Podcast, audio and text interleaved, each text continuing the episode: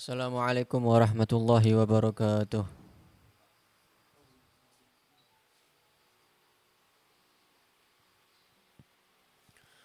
الحمد لله الحمد لله خالق الإنس والجان وصلى الله وسلم وكرم ومجد وعظم على سيدنا وحبيبنا وشفيعنا وكرة أعيننا سيدنا محمد سيد الأكوان وعلى آله المطهرين عن الأذران وأصحابه الغر الأعيان. وعلى جميع الملائكة المقربين وجميع عباد الله الصالحين وعلى أزواج طاهرة أمهات المؤمنين والتابعين وتابع التابعين بإحسان إلى يوم الدين. وعلينا معهم وفيهم برحمتك يا أرحم الراحمين ويا أكرم الأكرمين. أما بعد. الحمد لله رب العالمين. Kita kembali lagi di dalam kajian kita Sirah Nabawiyah Mempelajari, mengetahui bagaimana sejarah kekasih Allah Subhanahu wa taala panutan kita Nabi Muhammad sallallahu alaihi wasallam. Di kajian sebelumnya sudah kita bahas mengenai daripada perjalanan Nabi Muhammad Shallallahu Alaihi Wasallam berdagang bersama pamannya. Kita bahas di situ ketika beliau masih kecil di umur 12 tahun beliau berdagang bersama pamannya ke kota Syam. Dan sudah, kita ketahui di situ cerita yang sangat panjang. Beliau bertemu dengan rahib di situ pendeta yang memperingati kepada paman beliau bahwa e, untuk memulangkan daripada ponakannya. Karena pendeta itu pendeta adalah di, di sebelum diutus Nabi Muhammad SAW pendeta yang benar-benar memegang daripada kitab asli.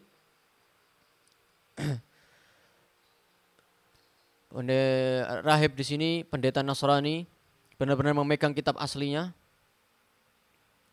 Gitu kitab Injil. Seketika tiba-tiba ketika melihat Nabi Muhammad SAW seketika itu pendeta ini langsung mengetahui mengenai daripada beliau. Apa yang akan beliau pegang, apa yang akan beliau ping, uh, apa akan beliau pegang daripada syariat Islam dan bagaimana ke, uh, kemuliaan daripada orang tersebut yaitu Nabi Muhammad SAW. Nggak tahu ini adalah Nabi akhir zaman yang disebutkan di kitabnya. Hingga ketika itu memperingati kepada uh, pamannya untuk segera pulang, memulangkan daripada ponakannya khawatir karena di kota Syam di situ banyak daripada orang-orang Yahudi yang ingin membunuh daripada nabi akhir zaman. Dan juga kita, sudah kita bahas juga di situ perjalanan yang kedua beliau berdagang membawa daripada dagangan Sayyidah Khadijah bintu Khuwailid. Sudah kita ketahui cerita yang sangat panjang di situ awal cerita awal ceritanya daripada Sayyidah Khadijah jatuh cinta dengan Nabi Muhammad SAW awal mulanya yaitu ketika beliau membawa dagangan Sayyidah Khadijah radhiyallahu taala anha wa ardaha. Karena di kajian sebelumnya sudah kita bahas sedikit, kita menyinggung sedikit mengenai uh, keutamaan dan kemuliaan daripada Sayyidah Khadijah. Maka pada malam hari ini insya Allah kita akan membahas mengenai mana gip keutamaan atau kemuliaan daripada istri-istri Rasulullah Wasallam. Kita akan sebutkan sedikit daripada apa sejarah kehidupannya dan juga keutamaan yang mereka miliki. Rasulullah SAW beliau memiliki sebelas istri. Ada berapa? Sebelas istrinya.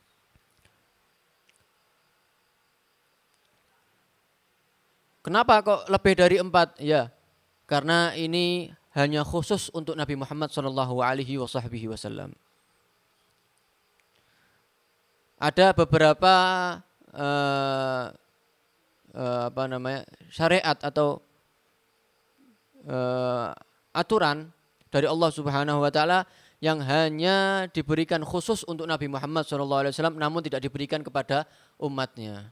Di antaranya adalah yaitu istri lebih dari empat. Di antaranya lain juga seperti apa? Seperti qiyamul lel, sholat tahajud. Bagi kita, umat Nabi Muhammad SAW melaksanakan sholat tahajud di malam hari, hukumnya apa? Hukumnya sunnah. Sunnah. Namun bagi Nabi Muhammad Shallallahu Alaihi Wasallam melaksanakan sholat tahajud hukumnya wajib bagi beliau. Ya, jadi ada beberapa aturan syariat yang hanya dikhususkan untuk Nabi Muhammad Shallallahu Alaihi Wasallam, namun tidak kepada siapa um umatnya. Itu adalah di antaranya dua hal itu.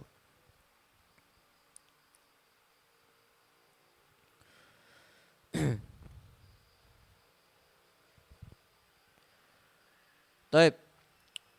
Istri yang pertama, jadi ada sebelas istri.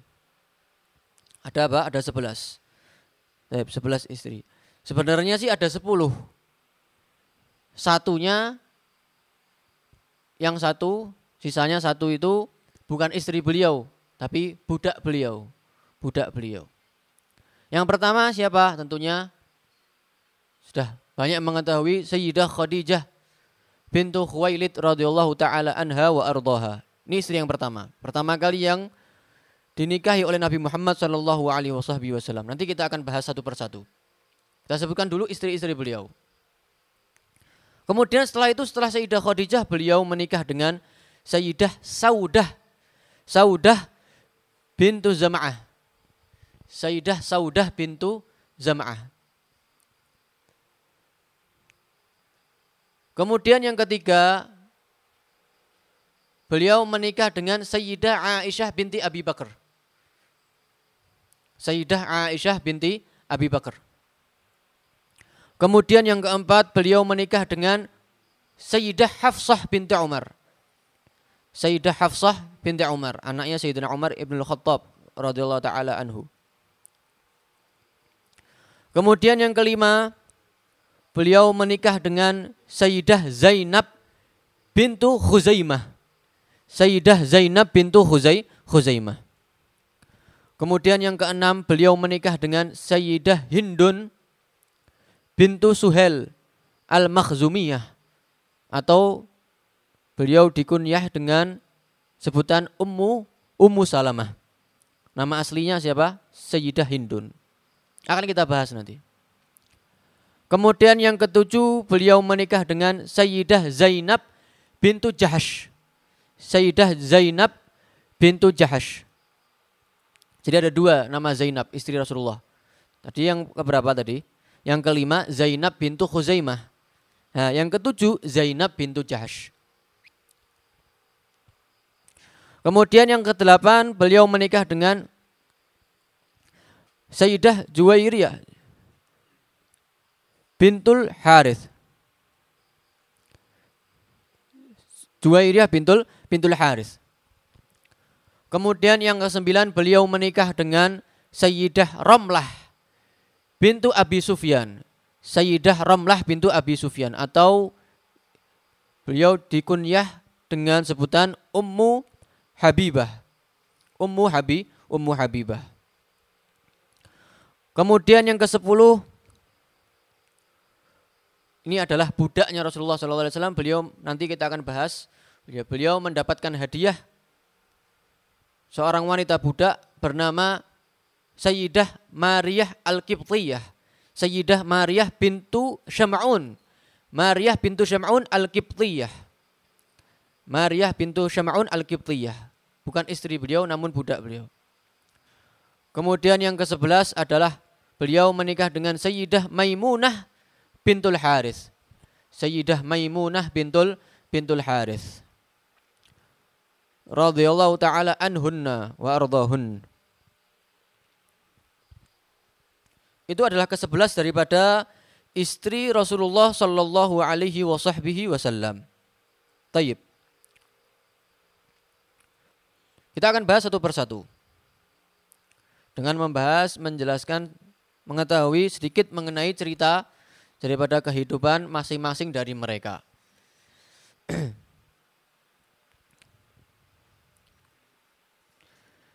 Istri beliau yang pertama bernama siapa?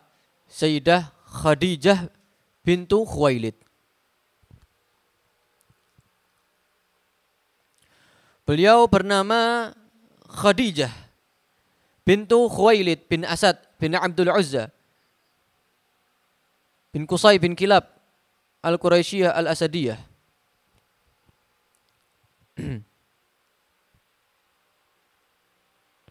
Jadi nasab beliau bertemu dengan Nabi Muhammad di kakek beliau yang yang bernama Sayyiduna Qusay.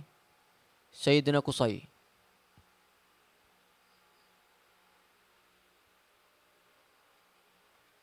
Ya.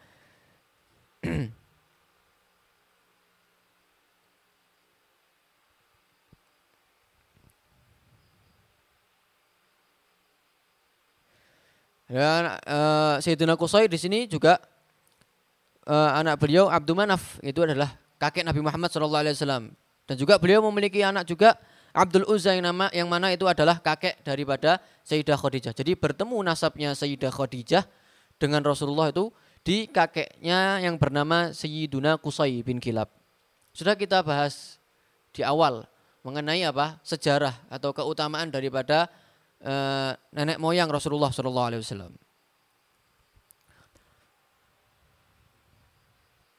Beliau lahir di tahun 68 sebelum hijrah.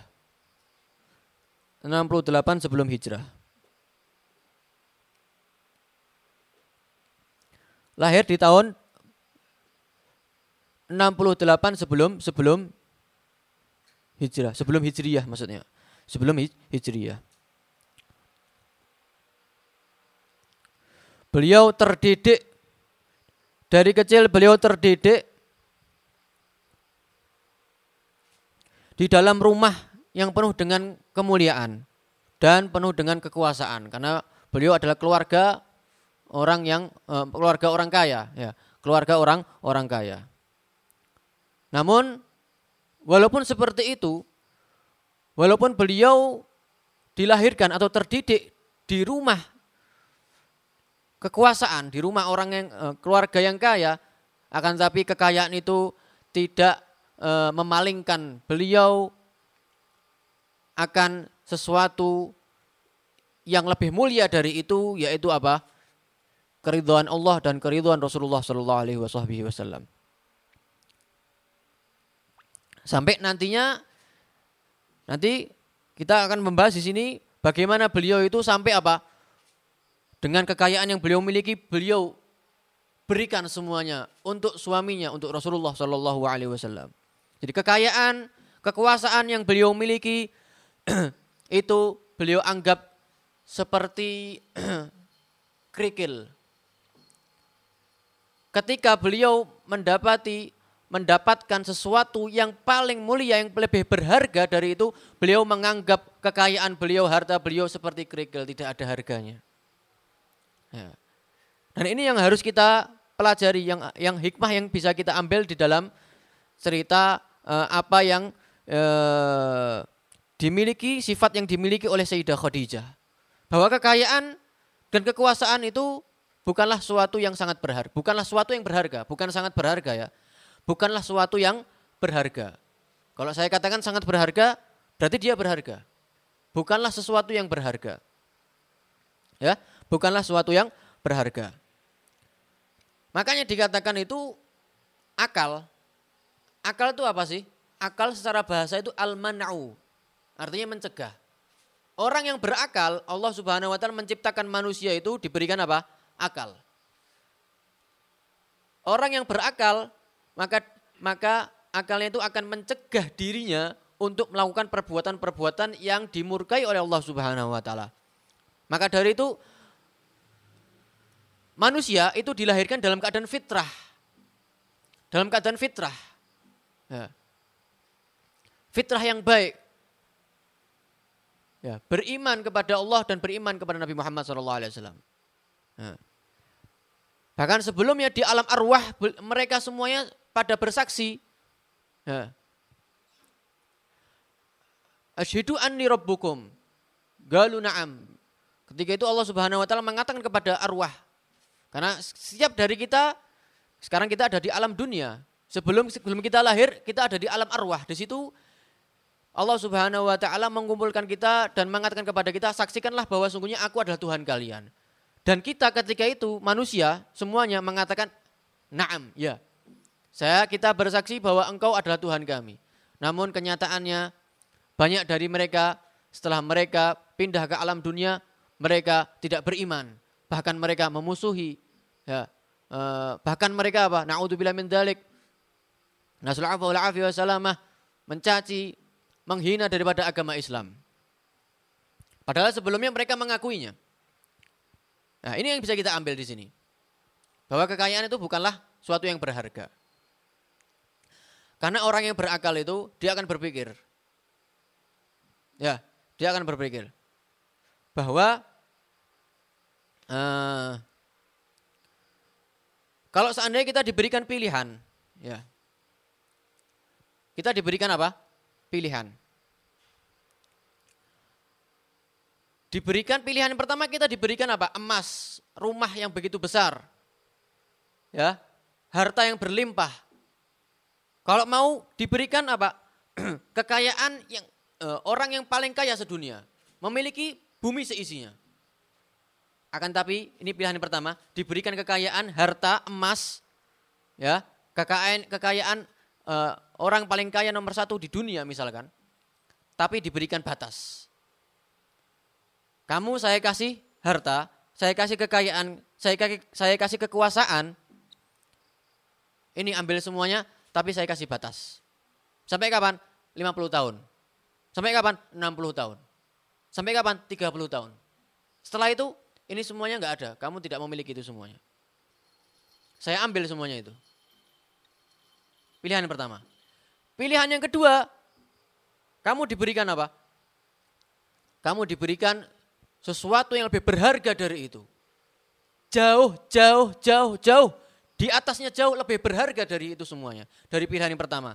Dari kekayaan, daripada harta yang yang pertama, dari harta pilihan yang pertama. Yaitu adalah surga, rumah misalkan. Rumah yang begitu besar, luar biasa, kekuasaan, kekayaan, tapi tidak terbatas. Tidak dibatasi dengan waktu. Kira-kira kalau kita kita berpikir dengan akal kita, kita milih yang mana? Yang satu apa yang kedua? Tentunya yang kedua. Inilah bedanya orang yang berakal sama yang tidak ber. Nah, makanya dikatakan sebagian ulama itu orang kafir itu orang yang tidak beriman kepada Allah itu nggak punya akal. Dalilnya apa? Dalam Al-Qur'an, qalu law kunna nasma'u aw na'qilu ma kunna fi ashabis mereka akan mengatakan nanti di akhirat ketika mereka disiksa, laukunna, kalau seandainya kami dulu di dunia, mereka menyesal. Ya, mereka menyesal. Mengatakan, kalau seandainya dulu kami di dunia kami mendengarkan, artinya apa? Dulu di dunia dia tuli. Laukunna nasma' kalau seandainya dulu kami di dunia mendengarkan, au na'kil, atau kami berakal, artinya apa? Di dunia dia tidak berakal dan dia mengakuinya. Kalau seandainya kami mendengar di dunia dan kami berakal, kunna fi ashabis sa'ir, maka kami tidak akan masuk di di dalam neraka sa'ir ini. Mereka mengakuinya. Ya, walaupun sekarang mereka mereka mengakui bahwa mereka adalah orang yang paling cerdas di dunia, memiliki IQ yang sangat tinggi, mampu menciptakan, mampu membuat daripada roket. Ya, membuat dari menemukan suatu penemuan yang tidak ditemukan orang lain. Mampu membuat kapal selam yang begitu besar. Ya. Tidak mungkin air bisa tembus ke dalamnya. Masuk ke dalam lautan yang begitu dalam. Tapi nanti di akhirat dia mengatakan itu itu itu kebodohan.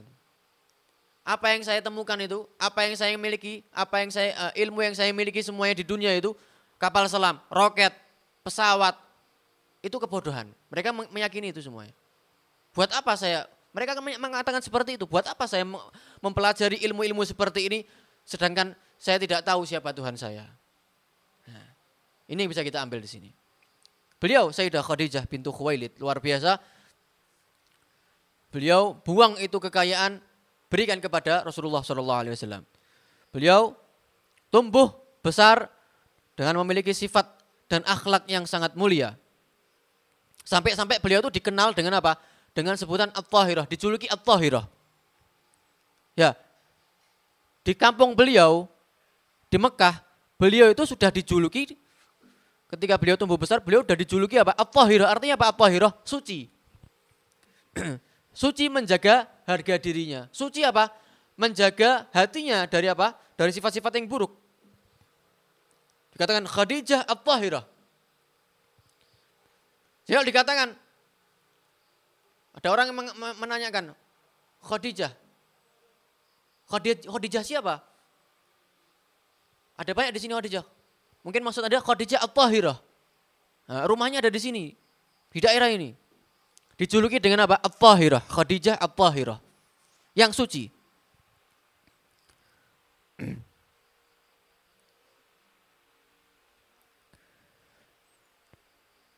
Dan kemudian beliau Sayyidah Khadijah beliau adalah seorang pedagang memiliki harta yang sangat banyak. Ini sebelum menikah dengan Rasulullah SAW. Memiliki harta yang sangat yang sangat banyak. Karena banyaknya harta yang beliau miliki, beliau itu adalah seorang pedagang. Beliau sering kali e, memerintahkan daripada e, kaum laki-laki untuk apa? Untuk membawa dagangannya sehingga setelah itu diberikan upah atas jasa karena mereka telah membawakan daripada dagangannya untuk dijual belikan. Ewa. Itulah adalah Sayyidah Khadijah pintu Khuwailid.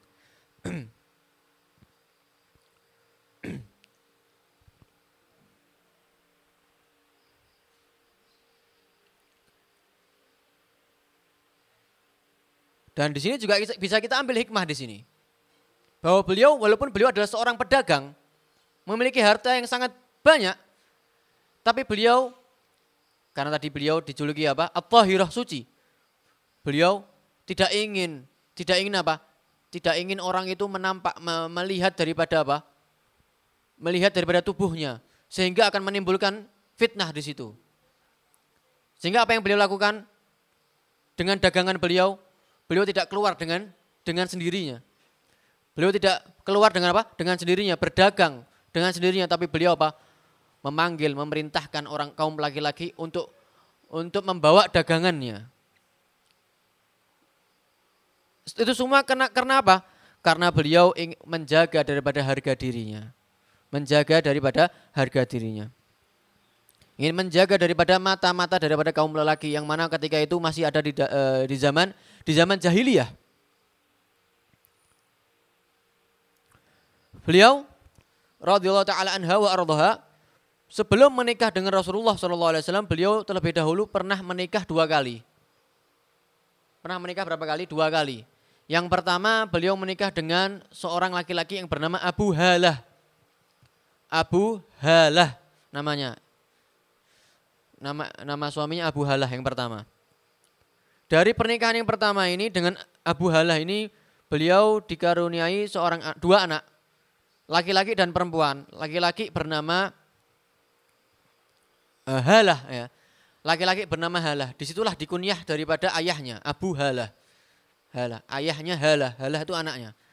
Ini anak pertama laki-laki. Anak yang kedua perempuan namanya uh, Halah perempuan ya. Halah perempuan. Anak yang kedua laki-laki bernama Hindun. Halah perempuan. Anak yang kedua laki-laki bernama Hindun. Kemudian setelah itu dan beliau eh, dan apa suaminya ini Abu Hala ini juga merupakan orang yang sangat kaya. Ya. Seorang pedagang juga memiliki harta yang sangat banyak. Nah, kemudian beliau eh, apa suaminya Abu Hala ini meninggal dunia. Meninggal dunia. Nah. Setelah itu beliau Sayyidah Khadijah menikah dengan seorang laki-laki yang bernama Aid bin Abdullah. Aid bin Abdullah. Namun dari pernikahan kedua ini beliau tidak dikaruniai seorang anak.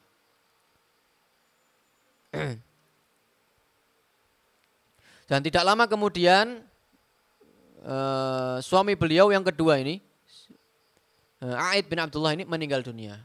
Meninggal dunia. Kemudian yang ketiga beliau menikah dengan kekasih Allah Subhanahu wa taala pemimpin para anbiya Rasulullah Shallallahu alaihi wasallam.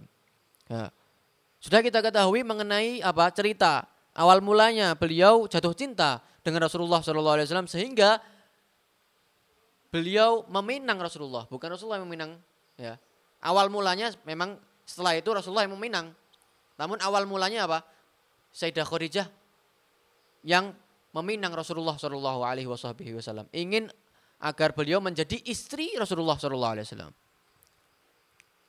Nah, ceritakan ya ceritanya adalah ketika Rasulullah Wasallam membawa dagangan Sayyidah Khadijah di situ Rasulullah ditemani dengan apa? Dengan pembantu daripada Sayyidah Khadijah yang bernama Maisarah. Maisarah ini laki-laki ya.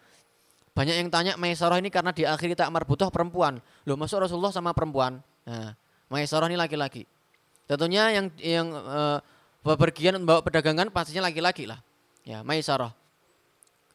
Nah, di situlah Maisarah ini melihat daripada apa? Kemuliaan yang dimiliki oleh Rasulullah Shallallahu Alaihi Wasallam. Sampai terjadi di situ banyak sekali kejadian-kejadian yang aneh yang dilihat oleh Maisarah ini dari Nabi Muhammad Shallallahu Alaihi Wasallam. Di antaranya apa? Awan. Awan itu menaungi Nabi Muhammad Shallallahu Alaihi Wasallam. Di antara lagi juga ketika itu Rasulullah eh, apa apa namanya istirahat apa beristirahat ada di bawah pohon sehingga dikatakan di situ ada seorang peneliti mengatakan tidak ada yang duduk di bawah pohon ini kecuali Nabi akhir zaman. Ya, banyak daripada kejadian-kejadian aneh yang dilihat oleh Maisarah dari diri Rasulullah SAW. Sehingga setelah mereka berdua kembali pulang ke Mekah, di situ Maisarah menceritakan mengenai kemuliaan, ya, keistimewaan yang dimiliki oleh Nabi Muhammad SAW kepada Sayyidah Khadijah pintu Khuwailid. Sehingga apa?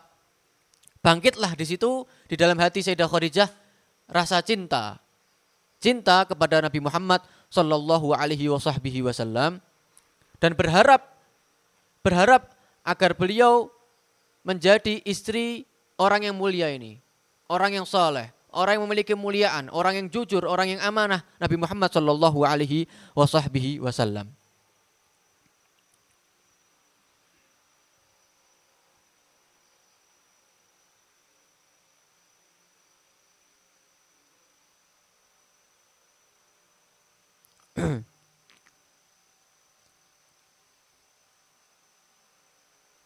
ya. Sampai akhirnya Sayyidah Khadijah mengirim daripada apa? Pamannya Amr bin As As'ad. Uh, kepada Rasulullah Shallallahu Alaihi Wasallam uh, karena ingin memberitahukan memberikan pesan kepadanya bahwa Sayyidah Khadijah ingin untuk meminang meminang Rasulullah Shallallahu Alaihi Wasallam. Ingin menjadi istri Rasulullah Shallallahu Alaihi Wasallam. Sehingga pesan tersebut diterima dengan baik oleh Rasulullah Shallallahu Alaihi Wasallam. Diterima Sehingga akhirnya beliau Rasulullah SAW menikah dengan Sayyidah Khadijah pintu Khuwailid. Begitulah cinta yang benar. Begitulah rasa cinta yang benar. Tidak didasari dengan apa? Dengan perbuatan maksiat. Tidak didasari dengan apa? Dengan perbuatan-perbuatan yang tidak baik. Padahal Sayyidah Khadijah sebelum itu ketika itu belum belum masuk Islam. Belum masuk Islam. Ya. Dan Rasulullah belum mendapatkan wahyu ketika itu. Masih di zaman jahiliyah. Tapi beliau beliau apa? Uh, uh, menjadikan cintanya itu dengan dengan perilaku yang baik, mendasari cintanya dengan perilaku yang baik didasari dengan dengan dengan hal-hal yang baik. Ini harus kita kita ambil di sini hikmahnya bahwa seorang bahwa di situ cinta dan hawa nafsu itu berbeda, namun mirip. Al-hub sama al-hawa itu berbeda, namun apa? Mirip. Al-hub dijadikan cinta, hawa juga. Kalau di dalam bahasa Indonesia artinya cinta, sama-sama cinta. Namun berbeda al-hub sama al-hawa ini. Kalau al-hub ini adalah cinta yang mana benar itu adalah diberikan oleh Allah Subhanahu wa taala kepada manusia, cinta adalah sifat itu. Tabiat manusia itu cinta, ada cinta, ada benci, cinta. Cinta yang sebenarnya yang didasari dengan syariat ada al-hub. Tapi al-hawa di sini ini bukan cinta namanya, ini hawa nafsu namanya. Kenapa? Karena didasari dengan perbuatan yang dimurkai oleh Allah Subhanahu wa taala, bukan cinta namanya.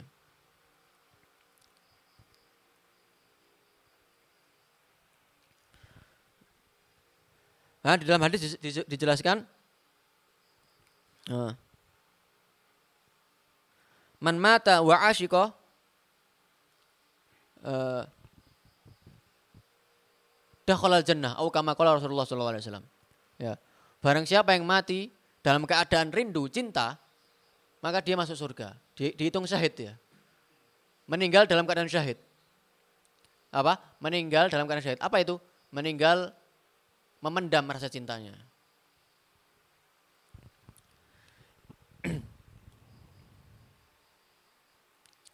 Adapun hawa nafsu, hawa nafsu itu Karena hawa nafsu ini, hawa nafsu adalah musuh terbesar. Nomor satu, sebelum setan. Kalau setan itu musuh di luar, tapi kalau hawa nafsu itu musuh di dalam. Nah, musuh di dalam itu paling berbahaya. Ya, musuh di balik selimut itu paling berbahaya daripada musuh di luar.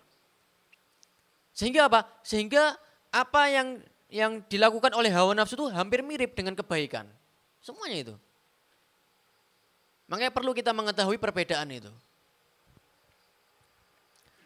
Kalau kita mengaku bahwa kita cinta kepada seorang, namun didasari dengan apa?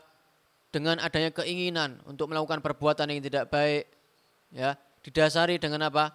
Dengan hal-hal yang tidak baik, ingin berdekatan, ingin merangkul, ingin mencium, dan lain sebagainya, ini bukan dinamakan cinta. Ya, ini bukan dinamakan cinta, ini namanya hawa nafsu. Nafsu namanya. Namanya nafsu, hawa nafsu, bukan cinta.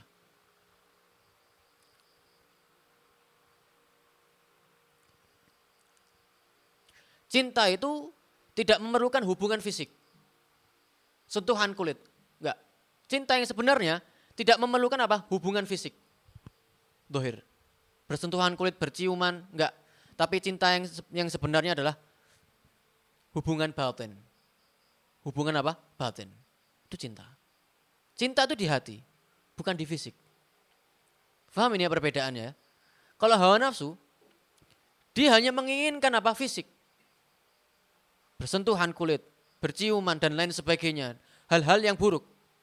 Itu hawa nafsu, bukan cinta itu. Tapi kalau al-hub, cinta yang sebenarnya, yang benar di dalam syariat Islam, dalam syariat Allah subhanahu wa ta'ala adalah apa? hubungan batin. Seperti ceritanya siapa? Laila Majnun. Banyak ceritanya, Laila Majnun. Luar biasa di dalam memendam cintanya. Majnun ini cinta sama Laila. Ya. ya di, di antara syair-syairnya maror tu ala diar diar Laila ugabilu dal jidar wadal wadal jidar. Aku melewati daripada apa? rumah Laila. Kemudian aku mencium temboknya. Mencium temboknya maksudnya. Tapi aku bu, bukan berarti aku tuh cinta dengan temboknya, tapi aku cinta dengan orang yang ada di dalamnya. Luar biasa. Nah. Juga diceritakan juga di dalam syair yang lainnya, Laila Majnun luar biasa. Majnun begitu besar cintanya kepada Laila, begitu juga sebaliknya. Laila cinta dengan Majnun. Ada apa? Anjing lewat di hadapan siapa? Majnun. Majnun itu laki-laki, namanya Ges. Tapi dijuluki Majnun kenapa? Gila. Gila. Karena begitu cinta, dia gila. Ya. Kemudian nangis dia. Ditanya, kenapa nangis? Ini anjing ini pernah pernah lewat di kampungnya Laila. Bayangkan, bukan anjingnya Laila loh. Bukan anjing milik Laila, tapi anjingnya pernah lewat di kampungnya Lai. Teringat. Luar biasa. Ada lagi ceritanya apa? Angin kencang. Tiba-tiba apa? Nangis dia, teringat. Ini anginnya nih, arah anginnya itu dari kampungnya kekasih saya. Teringat ya, luar biasa. Diceritakan lagi juga bahwa ini syair yang sangat panjang. Ya, saya lupa syairnya itu. Uh, ketika itu apa namanya? Majnun sedang pergi. Pergi luar kota, pergi ke luar kota. Laila sendirian ada di di rumahnya. Ya. Setelah ya sekian lama kemudian Majnun ini pulang ke kembali ke, rumahnya, nah, ke tempatnya Laila. Di situ Majnun mendapati jari jemarinya Laila ini apa? Merah. Seperti apa? Seperti dipacari. Tahu dipacari gak? Di semir tuh, pacar kalau istilahnya, dipacar ya. Pakai hina, ya. Bukan kutek. Dipacari itu loh kalau mau kawin biasanya, ya. Apa kalau bahasa Jawa? Ya pacar itu ya, dipacari itu kan ya. Ya kan? Betul ya Mbak Syafa ya? Ya. Itu kan kalau orang dipacari itu berarti apa? Bentuk kebahagiaan kan? Ya, itu yang dipahami oleh Majnun. Kaget Majnun. Ente kenapa ente? Kenapa Anda kenapa engkau memacari tangan tanganmu? Engkau senang dengan kepergianku. Engkau senang dengan kepergianku sehingga engkau memacari tanganku. Nah. Saya dikatakan sama Laila yang mengatakan seperti apa? Ma'adullah dalika majaro. Na'udzubillah min dalik. Mustahil hal itu terjadi. Tidak mungkin terjadi hal itu. Lantas kenapa tanganmu bisa merah seperti itu? Nih saya kasih tahu. Ketika kamu pergi, lama lama ra'aitu karahilan wajah uh, uh, bakaitu daman hatta balatu bihi thara. Famasahtu bi atrafil banan mudami'i. Fasarat khidaban il akum fi kamatara. Ketika engkau pergi, aku mulai menangis. Awalnya putih, kemudian menjadi merah, nangis darah. Sampai turun ke bawah ke pipiku. Sehingga aku, sehingga aku apa? mengusap pipiku dengan jari jemariku sehingga menjadilah merah seperti yang engkau yang kau lihat. Ini merah ini bukan merah pacar, tapi merah darah dari bekas air mataku. Luar biasa. Ini kisah dari baca cinta, cintanya Laila Majnun. Banyak sekali ceritanya itu. Nah. Nah. Jadi itu ya, itu perbedaan apa? Al-hub wal hawa. Jadi kalau cinta yang sebenarnya itu hubungan batin. Tapi kalau hawa, hawa nafsu itu hubungan fisik. Menginginkan fisik. Nah itu yang tidak benar. Itu tidak benar. Makanya bohong orang yang mengatakan apa? Oh saya cinta dengan fulana. Ya. Tapi keinginannya berbeda. Nah, beda. Tapi apa? Tapi rangkulan. Tapi ini. Nah, gak benar. Bukan cinta namanya. Ya. Cinta monyet. Ya. Hawa nafsu namanya. Hawa hawa nafsu. Dan itu sesuai dengan kalau kita perhatikan di sini sesuai. Ya, uh, masih panjang di sini ceritanya Sayyidah Khadijah. Taip. Jadi sesuai di situ sesuai dengan apa? Dengan kalimat al-hub. Al-hub itu artinya apa? Cinta. Dari apa? Ha. Ya. Huruf pertama apa? Ha. Ya enggak? Huruf kedua apa? Ba. Ya. Huruf pertama apa? Ha. Huruf kedua ba. Dari dua huruf ini sesuai dengan maknanya, cinta. Dari dua huruf ini adalah definisi daripada cinta. Apa itu? Hak diambil dari haroroh. Apa artinya haroroh? Haroroh itu artinya apa? Panas. Bak itu diambil dari burudah.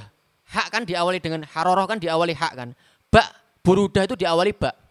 Hak haroroh artinya. Haroroh artinya apa? Panas. Bak burudah artinya apa? Dingin. Artinya apa? Maksudnya apa? Bahwa cinta hak bib, hak sama bak, hubbun adalah artinya cinta. Diawali dengan hak kemudian bak. Bahwa cinta itu mengartikan apa? Bahwa cinta itu orang yang jatuh cinta, dia akan merasakan dinginnya cinta setelah dia merasakan apa? Panasnya cinta. Nah, paham ini ya?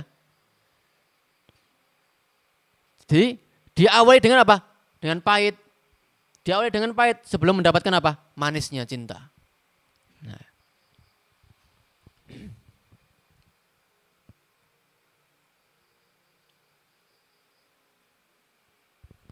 Baik.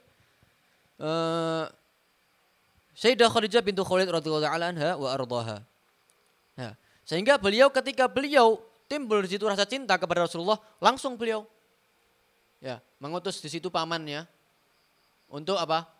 Eh, memberikan pesan kepada Rasulullah akan apa? Keinginan beliau menjadi istri Rasulullah SAW sehingga diterima dengan baik. Ya.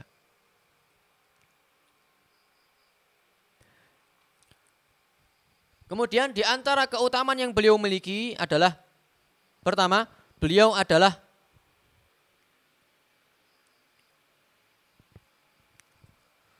adalah uh, pertama kali yang beriman dengan Rasulullah SAW adalah siapa? Sayyidah Khadijah. Baik dari kaum laki-laki maupun dari kaum perempuan. Yang pertama kali, pertama kali yang beriman dengan Rasulullah siapa? Sayyidah Khadijah. Walaupun Sayyidina Abu Bakar. Pertama kali siapa? Sayyidah Khadijah. Nah. Maka di sini bisa kita pahami khusus pesan bagi kaum laki-laki. Janganlah kalian apa? sombong dengan kecerdasan kalian. Janganlah kalian sombong dengan dengan apa kekuatan kalian. Tuh lihat tuh bagaimana pertama kali orang yang memeluk agama Islam, pertama kali orang yang beriman dengan Nabi Muhammad SAW bukan dari kaum laki-laki namun dari dari mana? Kaum perempuan menunjukkan bahwasannya apa? Di situ orang yang paling berakal Sayyidah Khadijah. Padahal di situ masih ada kaum laki-laki yang lainnya. Tapi pertama kali yang beriman siapa? Dari kaum perempuan. Kalau kalau kita sering mendengar membaca Al-Qur'an ar-rijalu qawwamuna laki-laki itu apa? Melebihi perempuan. Tapi jangan sampai lupa kita di ayat yang lainnya di surat Al-Imran. Walaysa dzakaru kal unsa. Tidaklah laki-laki itu sama seperti perempuan. Artinya apa? Di situ perempuan lebih tinggi dari laki-laki. Ada. Dan semuanya sama. Pemberian Allah semuanya sama. Baik laki-laki maupun perempuan. Ya. Nah di sini ada suatu oh, orang yang sangat mulia. Pertama kali yang beriman dengan Nabi Muhammad adalah dari kaum perempuan. Sayyidah Khadijah bintu Khuwailid radhiyallahu taala anha sebelum Sayyidina Abu Bakar As-Siddiq.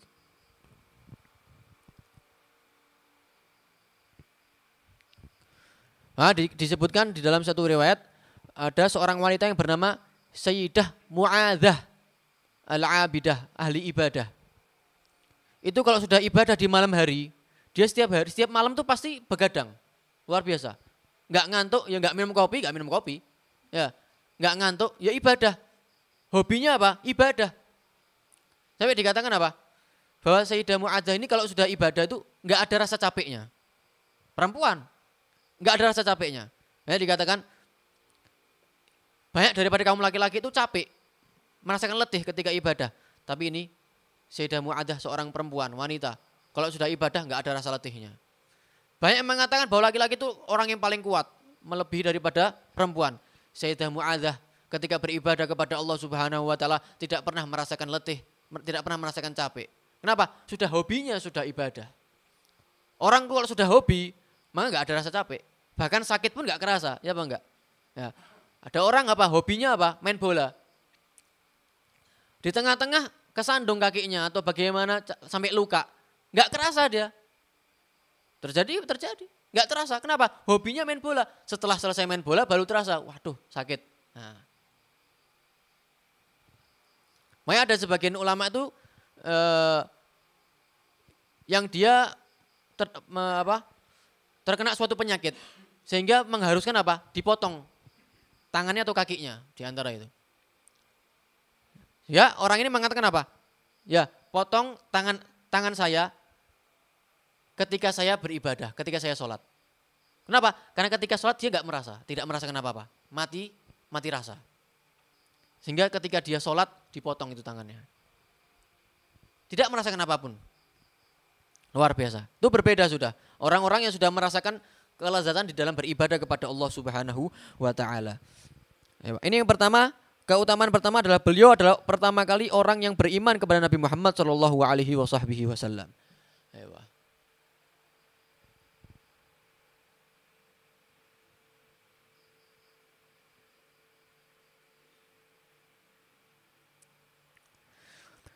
Kemudian yang kedua, beliau adalah di antara istri-istri Nabi Muhammad SAW. Beliau adalah pertama, uh, beliau adalah orang yang paling dicintai oleh Nabi Muhammad SAW. Istri tercintai Nabi Muhammad SAW siapa? Bukan Sayyidah Aisyah, tapi Sayyidah Khadijah bintu Khuwailid. Khuwailid. Ya. Bahkan Nabi Muhammad SAW tidak pernah menikah dengan perempuan yang lain ketika beliau uh, uh, di, di masa hidupnya Sayyidah Khadijah. Nabi Muhammad SAW tidak pernah menikah dengan perempuan yang lain di masa hidupnya Sayyidah Khadijah. Setelah beliau meninggal, baru di situ beliau menikah, uh, menikah dengan Sayyidah Saudah, kemudian setelah itu juga dengan Sayyidah Aisyah. Ya. Tapi di masa hidupnya Sayyidah Khadijah, Beliau tidak pernah menikah dengan perempuan yang lainnya. Ini tanda bahwa beliau uh, adalah perempuan yang paling dicintai oleh Nabi Muhammad Shallallahu Alaihi Wasallam. Istri tercintai Nabi Muhammad Shallallahu Alaihi Wasallam.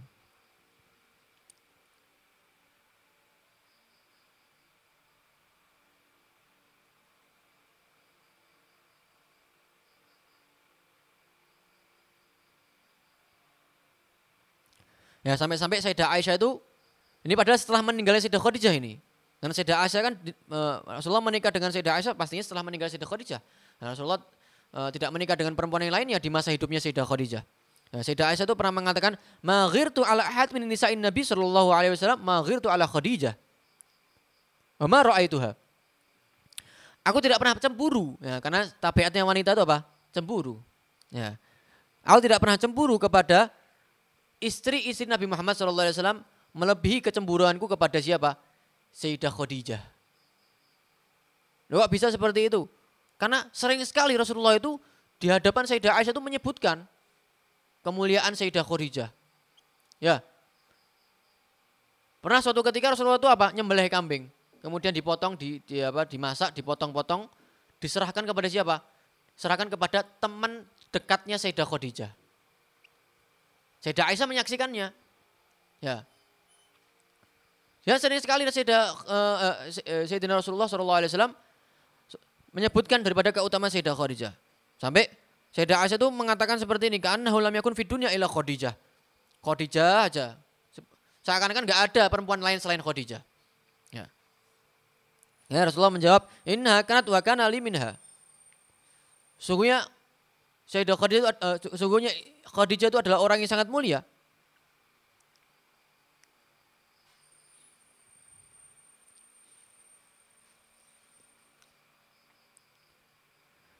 Sampai suatu ketika sampai apa? Sayyidah Aisyah itu sampai muncak kecemburuannya sampai mengatakan apa? Hal kanat illa ajuzan fa'abdalakallahu khairan minha. Dia itu hanya apa? Seorang janda, orang tua, sudah janda.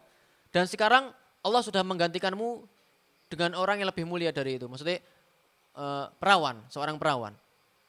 Sampai terucap seperti itu, kecemburuan, sudah memuncak. Nah, Rasulullah semungkin Rasulullah mengatakan La wallah ma abla ma abdalani Allahu khairan minha. Amana bi idkafarun nas wa wa saddaqatni id kadzabani nas wa razaqani Allahu minha aulada. Ya. Kata Allah, kata Rasulullah sallallahu alaihi wasallam tidak demi Allah tidak. Ya. Tidak ada seorang perempuan yang bisa menggantikan Sayyidah Khadijah di mataku. Sayyidah Khadijah number one, nomor satu. Tidak ada perempuan yang bisa menggantikan Khadijah. Kenapa? Karena dia, kata Rasulullah, aman nabi it nas. It nas ya. It nas. Karena dia beriman kepadaku ketika manusia tidak beriman kepadaku. Dia adalah pertama kali yang beriman kepadaku. Dan dia wasot dekat nih it kadabanian nas. Dan dia yang membenarkan ucapanku ketika manusia orang-orang kafir Quraisy di situ apa mendustakanku, mengatakan aku bahwa aku tukang sihir dan lain sebagainya. Dia adalah yang pertama kali apa? Membenarkan ucapanku. Dan darinya aku dikaruniai seorang anak. Tidak ada yang bisa menggantikan posisi Khadijah radhiyallahu taala anha wa ardhaha. Ini adalah yang berapa itu? Yang kedua. Daripada keutamaan yang dimiliki oleh Sayyidah Khadijah. Di antara lagi yang ketiga, bahwa Sayyidah Khadijah itu mendapatkan uh, ruangan atau uh, ya di mendapatkan ruangan yang khusus di dalam surganya Allah Subhanahu wa taala. Uh, ceritakan Sayyid uh, malaikat Jibril turun dan memberitahu kepada Rasulullah sallallahu alaihi wasallam bahwa sungguhnya Allah telah menyiap, men, menyiapkan menyiapkan daripada rumah ruangan yang khusus di surga untuk Khadijah istrimu. Yang ketiga.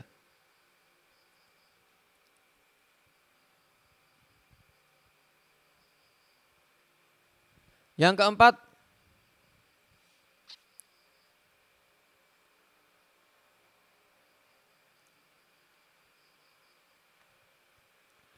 bahwa beliau adalah or, adalah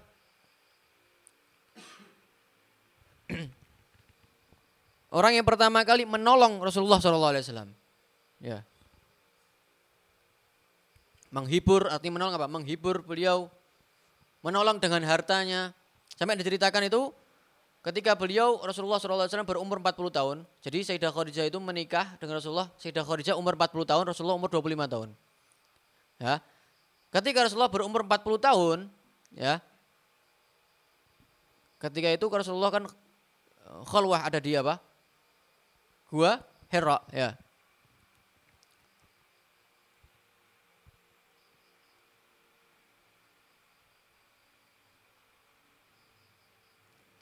Sehingga turun wahyu kan, Iqra bismi rabbikal ladzi khalaq.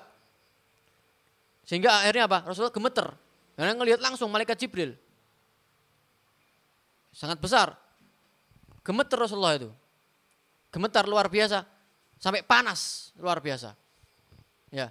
Sampai akhirnya apa? Rasulullah lari langsung. Pulang ke rumahnya, ke rumah Sayyidah Khadijah radhiyallahu taala anha wa ardhaha. Sampai Rasulullah datang ke rumahnya langsung mengatakan, "Ya Khadijah, zammiluni, zammiluni, selimuti aku." Ya, selimuti aku. Takutan Rasulullah sallallahu alaihi wasallam, gemeter. Karena melihat malaikat Jibril. Nah. Akhirnya Rasulullah mengatakan kepada Sayyidah Khadijah, "Mali ya Khadijah?" Kenapa? Apa yang terjadi kepada diriku ya Khadijah? Rasulullah menceritakan tentang apa? Kejadian yang terjadi di gua. Ya. Ketika itu malaikat Jibril datang menemuinya dan membacakan ayat Al-Qur'an Iqra bismi rabbikal ladzi khalaq. Nah, Rasulullah mengatakan kepada Khadijah, "Qad khasyitu alamsi, aku khawatir kepada diriku. Apa yang terjadi kepada diriku?" Maka Sayyidah Khadijah menenangkan, menghibur Rasulullah SAW dengan dengan perkataan, "Kalla, abshir, fa wallah la yukhzikallah abada. Innaka la tasil rahim. Wa tasduqul hadis.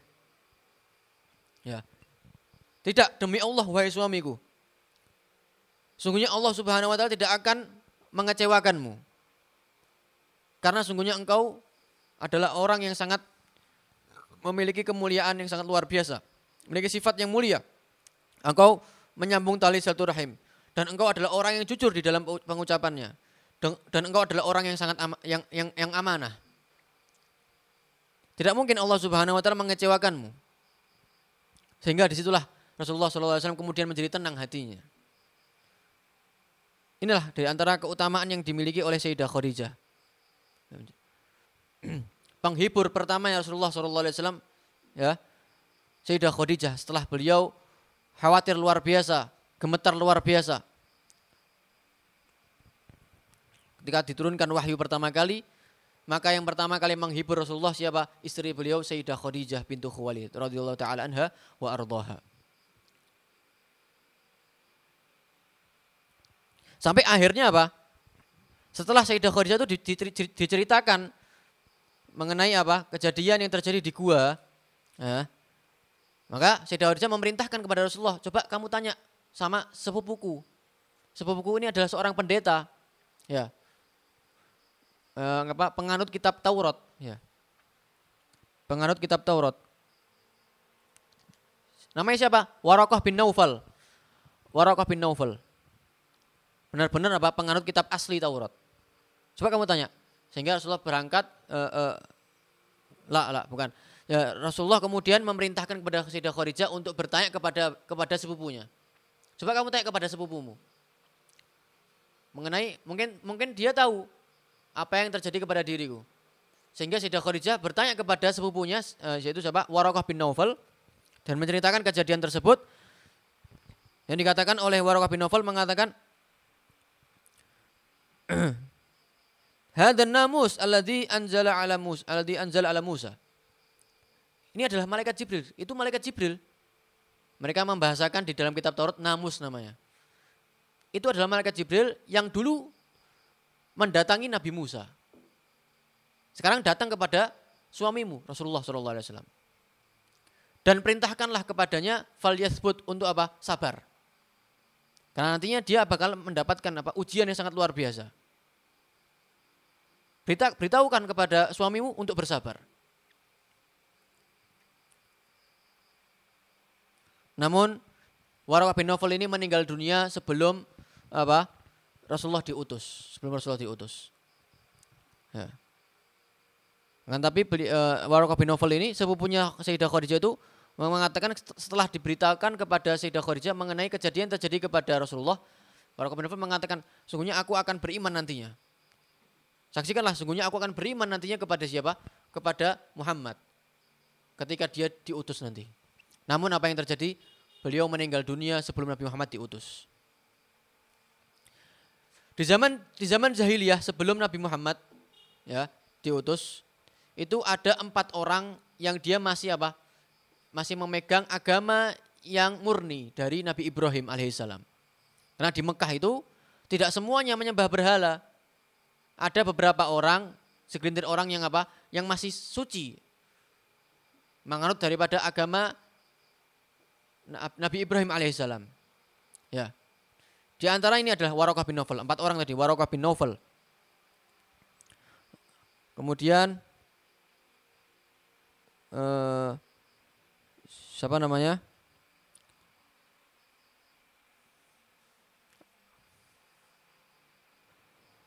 Ubaidullah bin Jahash. Yang pertama Warokah bin Ubaidul, yang kedua Ubaidul, Ubaid, Ubaidillah bin Jahash. Yang ketiga Utsman bin Huwairis. Utsman bin Huwairis. Yang keempat Zaid bin Amr. Zaid bin Amr. Empat orang ini. Waraqah bin Naufal, Ubaidillah bin Jahash, Utsman bin Huwairis, Zaid bin Amr. Empat orang ini adalah yang benar yang menganut agama yang murni dari Nabi Ibrahim alaihissalam. Ya. Sampai ketika itu ya e, ketika banyak orang-orang yang dia tersesat menyekutukan Allah Subhanahu di samping menyembah Allah, dia juga menyembah berhala. Nah, tapi empat orang ini masih bersikukuh dengan apa? Dengan e, keyakinannya bahwa agama yang, benar adalah mengesahkan Allah Subhanahu wa taala, agama yang dia yang dianut oleh Nabi Ibrahim alaihissalam, kakek moyang mereka. Sampai empat orang ini itu sering sekali menasihati daripada apa? Orang-orang Quraisy. Untuk apa? Untuk kembali ke jalan yang benar bahwa apa yang kalian lakukan ini menyembah berhala tidak benar. Tidak benar. Yang benar adalah apa yang dianut oleh kakek moyang kalian. Nabi Ibrahim alaihissalam. Adinul Hanafiyah. Eh. Agama yang suci, yang murni. Itu mengesahkan Allah subhanahu wa ta'ala. Ya, di antaranya adalah siapa? Sepupunya Sayyidah Khadijah Warakah bin Nawfal yang mana beliau setelah mendapatkan kabar beliau mengatakan dan mem, e, dan e, mengatakan Saksikanlah bahwa sungguhnya aku akan beriman ketika Muhammad diutus. Luar biasa. Itu adalah sedikit daripada keutamaan Sayyidah Khadijah bintu Khuwailid. Ayo. Ya, taib. Dia e, beliau menikah pada umur 40 tahun. Ketika e, kemudian Rasulullah ketika itu umur berapa? 25 tahun. Ini menunjukkan bahwa Rasulullah itu menikah bukan karena apa? Nafsu. Banyak sekali orang-orang yang mengatakan bahwa Rasulullah istrinya 11. Ya. Ya, hasya wakala tidak tidak terjadi hal seperti itu. Bahwa Rasulullah SAW itu menikah banyak. Kenapa? Untuk apa? Untuk kemajuan daripada Islam. Di antara istri Nabi Muhammad yang perawan cuma Sayyidah Aisyah. Yang lainnya janda semuanya. Udah tua semuanya. Dan banyak dari istri-istri Nabi Muhammad SAW itu yang mana dia adalah uh, uh, apa pemimpin suatu kaum. Ya. Istilahnya kalau bahasa sekarang itu princessnya ya, princessnya. Ya. Anaknya ratu gitu loh. Kenapa menikah dengan mereka? Karena diharapkan, ini pemimpin, diharapkan apa? Dengan menikahi perempuan tersebut, maka apa? Kaumnya akan beriman juga. Dan hal itu terjadi. Nanti kita akan bahas satu persatu mengenai istri Nabi Muhammad. Ada di antaranya yang mana e, di antara mereka itu ada apa putri daripada raja.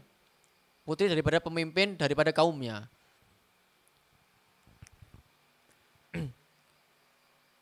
Sayyidah Khadijah terakhir Sayyidah Khadijah beliau meninggal e, sebelum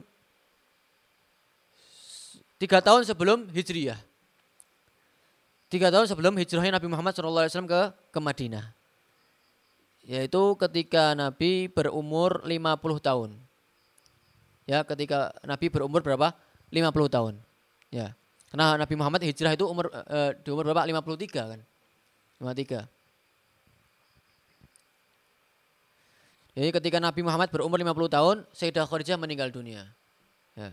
Jadi tiga tahun sebelum apa? sebelum hijrahnya Nabi Muhammad SAW ke Madinah. Nah, ketika itu Sayyidah Khadijah berumur berapa? Meninggal pada umur 65 tahun. 65 tahun. Rasulullah meninggal umur berapa? 63. Sayyidah Khadijah 65 tahun.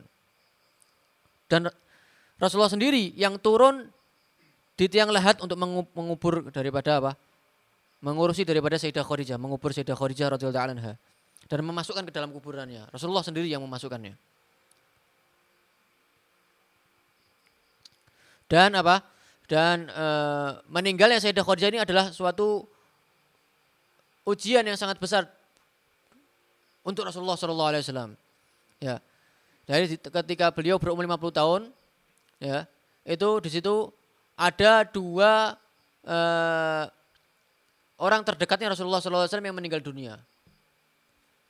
Pertama sebelum Sayyidah Khadijah paman beliau, Sayyidina Abu Talib.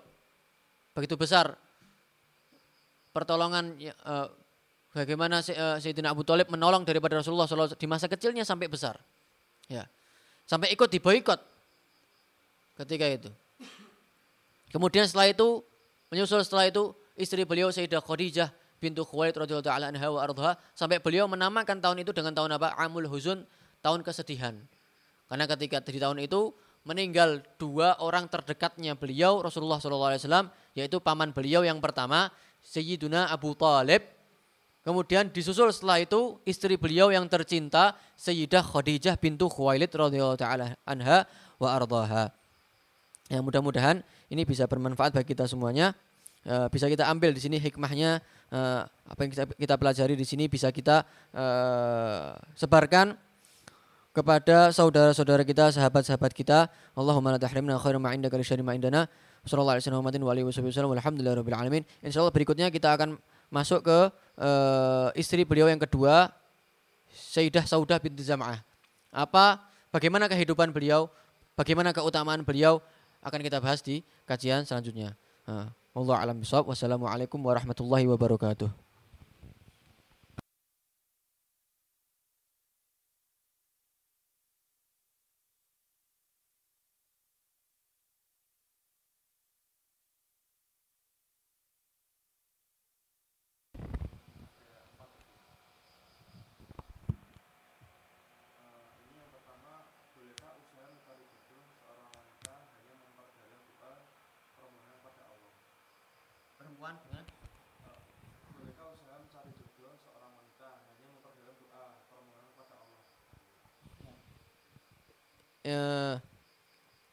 Kuncinya apa? Duit, doa, ikhtiar, tawakal. Ya. Itu harus tiga itu, itu rukunnya. Untuk mendapatkan apa yang kita inginkan, rukunnya ada tiga itu.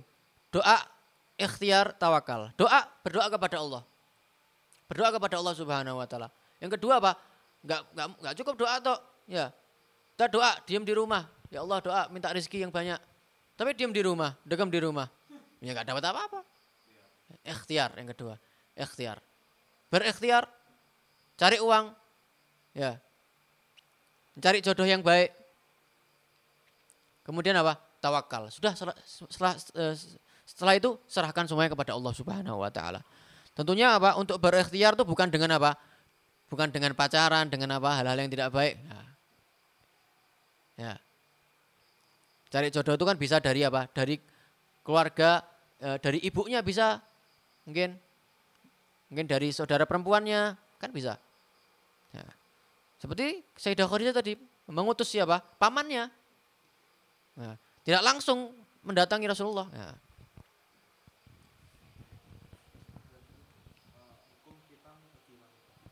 Hitan. Hukum hitan hukumnya wajib. Fardu ain, wajib. Ya, laki-laki maupun perempuan. Adapun untuk perempuan di situ ada khilaf, ada yang mengatakan wajib, ada yang mengatakan sunnah. Ayo. Namun di sini tetap wajib. Ya, untuk laki-laki jelas wajib. Kenapa? Kenapa sih kok wajib? Karena itu nanti masalahnya berbahaya nanti di sholatnya. Ya. Dan juga ketika mandi besarnya. Karena kulitnya itu itu wajib terkena air. Kulit yang sudah dihitan itu, dalamnya itu kan itu wajib terkena air. Lah kalau belum sunat kan nggak nggak nggak bisa dimasukkan air ya apa? Nah, kalau mandi besar kan harus semua kulitnya harus apa? Terkena air. Sedangkan kalau belum disunat nggak bisa terkena air. Nah, maka bagaimana? Berarti ada sebagian kulit yang tidak terkena air nggak sah mandinya. Nggak sah mandinya, sholatnya nggak sah. Setiap hari seperti itu, ya seperti itu. Ya. Maka dari itu wajib hukumnya. Fardu ain. Hukum apa? Sunat. Khitan.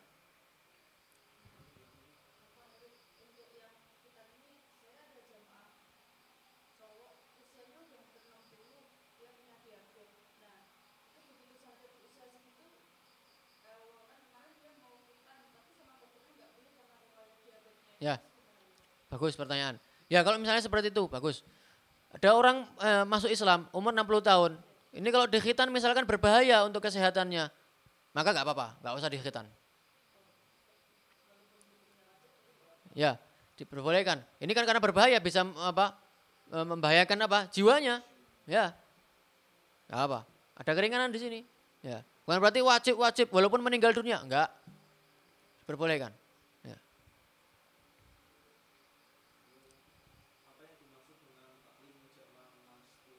Hah?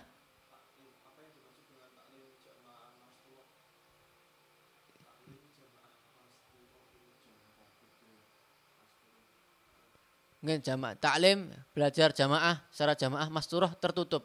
Mungkin ya streaming itu. Atau bagaimana nggak paham? Maksudnya gimana nggak paham?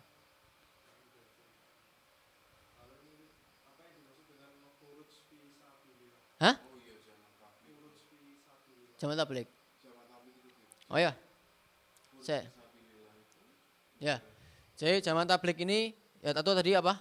Khurus fisabilillah kata dia. Baik. Di jamaah jamaah tablik ini sebenarnya di sini ada dua keadaan yang sangat penting yang harus kalian ketahui. Untuk jamaah tablik ini bisa menjadi itu suatu hal yang baik, nah berdakwah. Golongan yang pertama. Yang kedua, ini merupakan suatu yang tidak baik. Dan dulu di zaman uh, Imam Abu Hanifah kalau nggak salah, itu juga ada jamaah tablik. Ada. Dan mereka orang yang baik. Gimana sih? Golongan yang pertama itu orang yang baik, jamaah tablik yang baik. Yaitu orang yang dia berdakwah, keluar, berdakwah, tapi dia apa? Di samping dia apa? Di samping dia melaksanakan haknya Allah, tapi dia tidak menyia-nyiakan daripada hak keluarganya. Di situ ada istrinya di rumahnya. Di situ ada anaknya. Nah, tidak menyia-nyiakan. Nah, ini yang benar, ini yang baik. Dia berdakwah, mengajarkan ke pelosok, kan ya, ke pelosok. Tapi dia jangan sampai lupa, di situ ada keluarganya, ada istrinya. Nah, nah Rasulullah kan mengatakan uh, kepada Abdullah bin Amr, uh, Inna li zaujika alaika hak. Ya. Wali nafsika alaika hak. Ketika Sayyidina Abdullah bin Amr itu mengatakan saya mau puasa, kalau siang hari saya puasa, setiap hari saya siang hari puasa, malam saya begadang. Wes, pokoknya seperti itu. Luar biasa nih sudah semangatnya. Sama Rasulullah ditegur, jangan seperti itu. Kasihan ente itu punya istri ente punya hak. Ya. Ya, butuh nafkah, butuh nafkah batin ya, butuh nafkah dohir. Badan ente punya hak, nggak kuat. Malam tuh waktunya apa? Tidur, jangan setiap hari tidur. Nah, seperti itu. Nah, jamaah tabligh yang tidak benar tuh kalau seandainya apa? Keluar berdakwah, melaksanakan melaksanakan beribadah, melaksanakan haknya Allah, beribadah, menyebarkan dakwah, cuma dia menyia-nyiakan keluarganya, tidak menafkahi istrinya, tidak uh, membiarkan apa anaknya. Dia berdakwah, mengajarkan orang lain ke jalan yang benar, cuma anaknya, orang yang terdekat dengannya tidak diajarkan. Nah, ini nggak baik, nggak baik, ya. Rasulullah sendiri apa? Wa andir asyiratakal akrobin. Pertama kali ayat yang diperintahkan Allah Subhanahu wa taala kepada Rasulullah untuk berdakwah kepada siapa? Bukan kepada kaum Quraisy. Ya, enggak. Kepada siapa pertama kali? Wa anzir ashiratakal akrobin. Peringatilah keluargamu pertama. Keluargamu dulu. Ya, baru setelah itu baru yang lainnya. Ashiratakal akrobin. Tuh, itu lagi.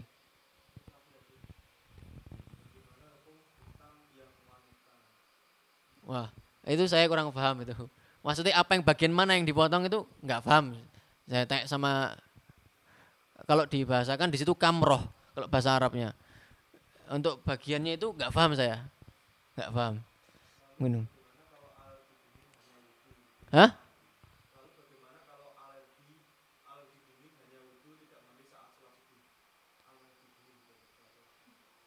Alergi dingin nggak mandi? Gim, cek,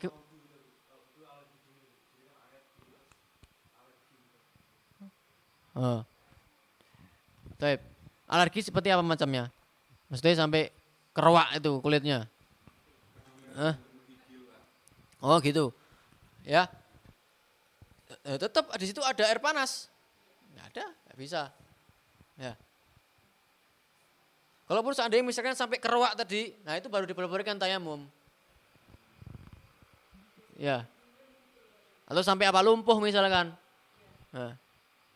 Baru diperbolehkan tayamum. Kalau seperti itu enggak, enggak bisa. Ya.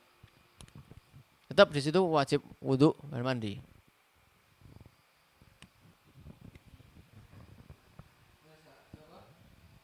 Dan apa? Isbagul wudhu itu hukumnya luar biasa pahalanya besar. Ada wudhu, ada isbagul wudhu. Isbagul wudhu itu apa? Dia memaksakan diri untuk wudhu, walaupun dirinya enggak enggak senang. Apa? Ya itu tadi keadaannya. Ketika apa? Air dingin, cuma dirinya malas untuk wudhu. Kenapa? Dingin. Ketika dia memaksakan dirinya untuk wudhu dengan air dingin itu yang tidak, tidak, tidak dia senangi, oh pahalanya besar banget ini. Ya, pahalanya besar, besar banget. Disebutkan di dalam hadis itu. Dah itu. Ya.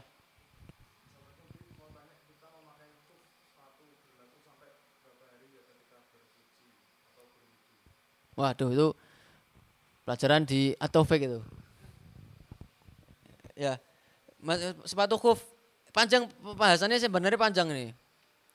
Ya, pembahasannya sebenarnya panjang di sini. Untuk sepatu khuf bagi orang yang apa e, mukim e, yang apa di tempat asalnya, maka dia hanya diperbolehkan satu hari satu malam.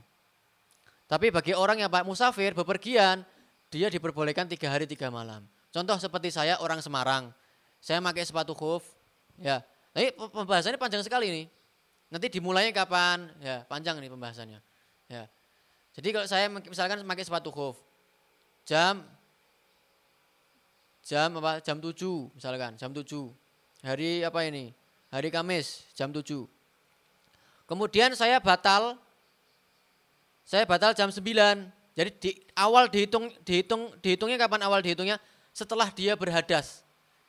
Ya, setelah dia apa? Berhadas dari dia memakai. Setelah dia apa? Berhadas. Saya pakai jam 7.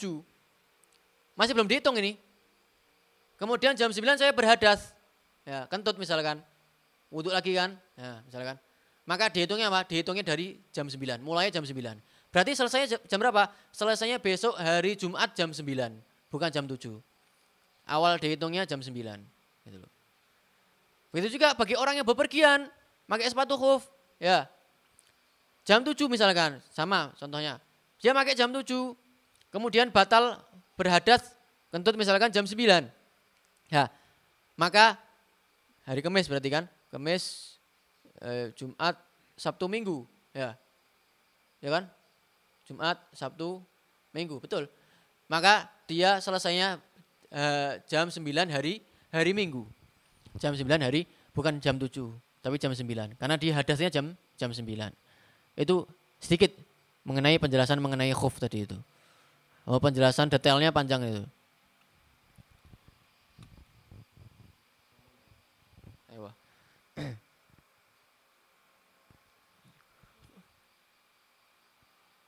Ada pertanyaan? Oh, tutup aja. Sallallahu alaihi wasallam wa alihi wasallam. Wassalamualaikum warahmatullahi wabarakatuh.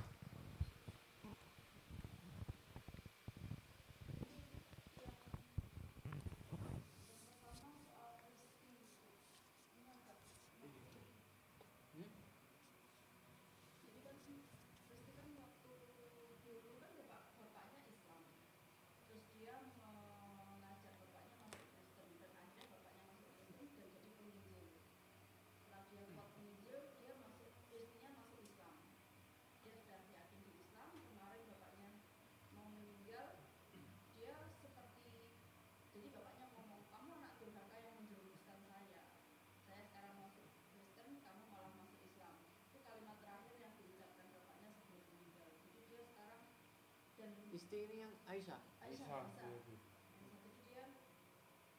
kalimat terakhir bapaknya itu terus dia sem- eh, beberapa keluarganya melihat bapaknya beberapa keluargaku bu melihat bapakku tidur dengan Yesus di peluk berarti kan dia sekarang udah tenang dengan Yesus di situ berarti pilihan bapakku benar aku mau lepas hijab aja saya sudah nggak yakin aku harus seperti apa tolong tanyakan saya dia ini di Goyah Ya, jadi dia kemarin terakhir pas di sini ya Mas ya, Hmm. dia udah kebingungan karena dia dicecar keluarganya begitu dia yang terakhir boyong Natalan sama keluarganya balik ke sana, dia dipaksa, oke kamu kemasukan setan, kamu harus balik ke agama mulai, dan dia di dicecar sebagai anak durhaka, diancam akan dibuang ini, dibuang dari semua Dia kita tampung bisa.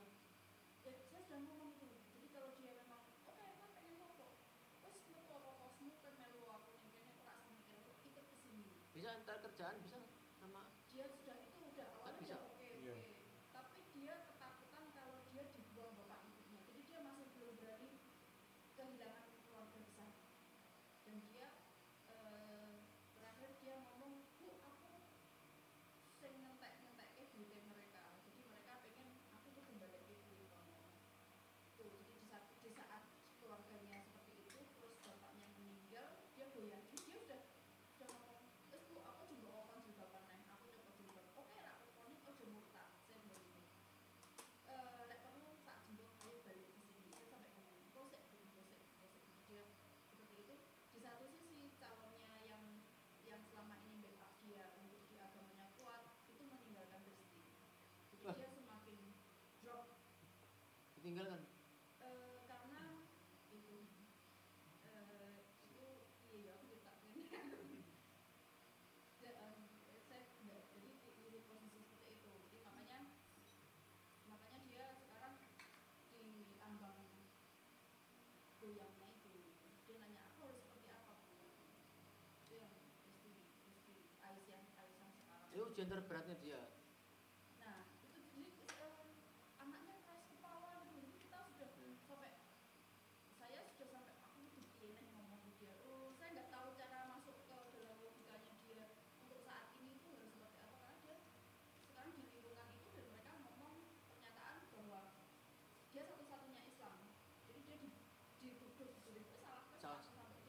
satu cara satu satu caranya adalah nah caranya adalah nah caranya adalah nah caranya adalah nah caranya adalah nah caranya adalah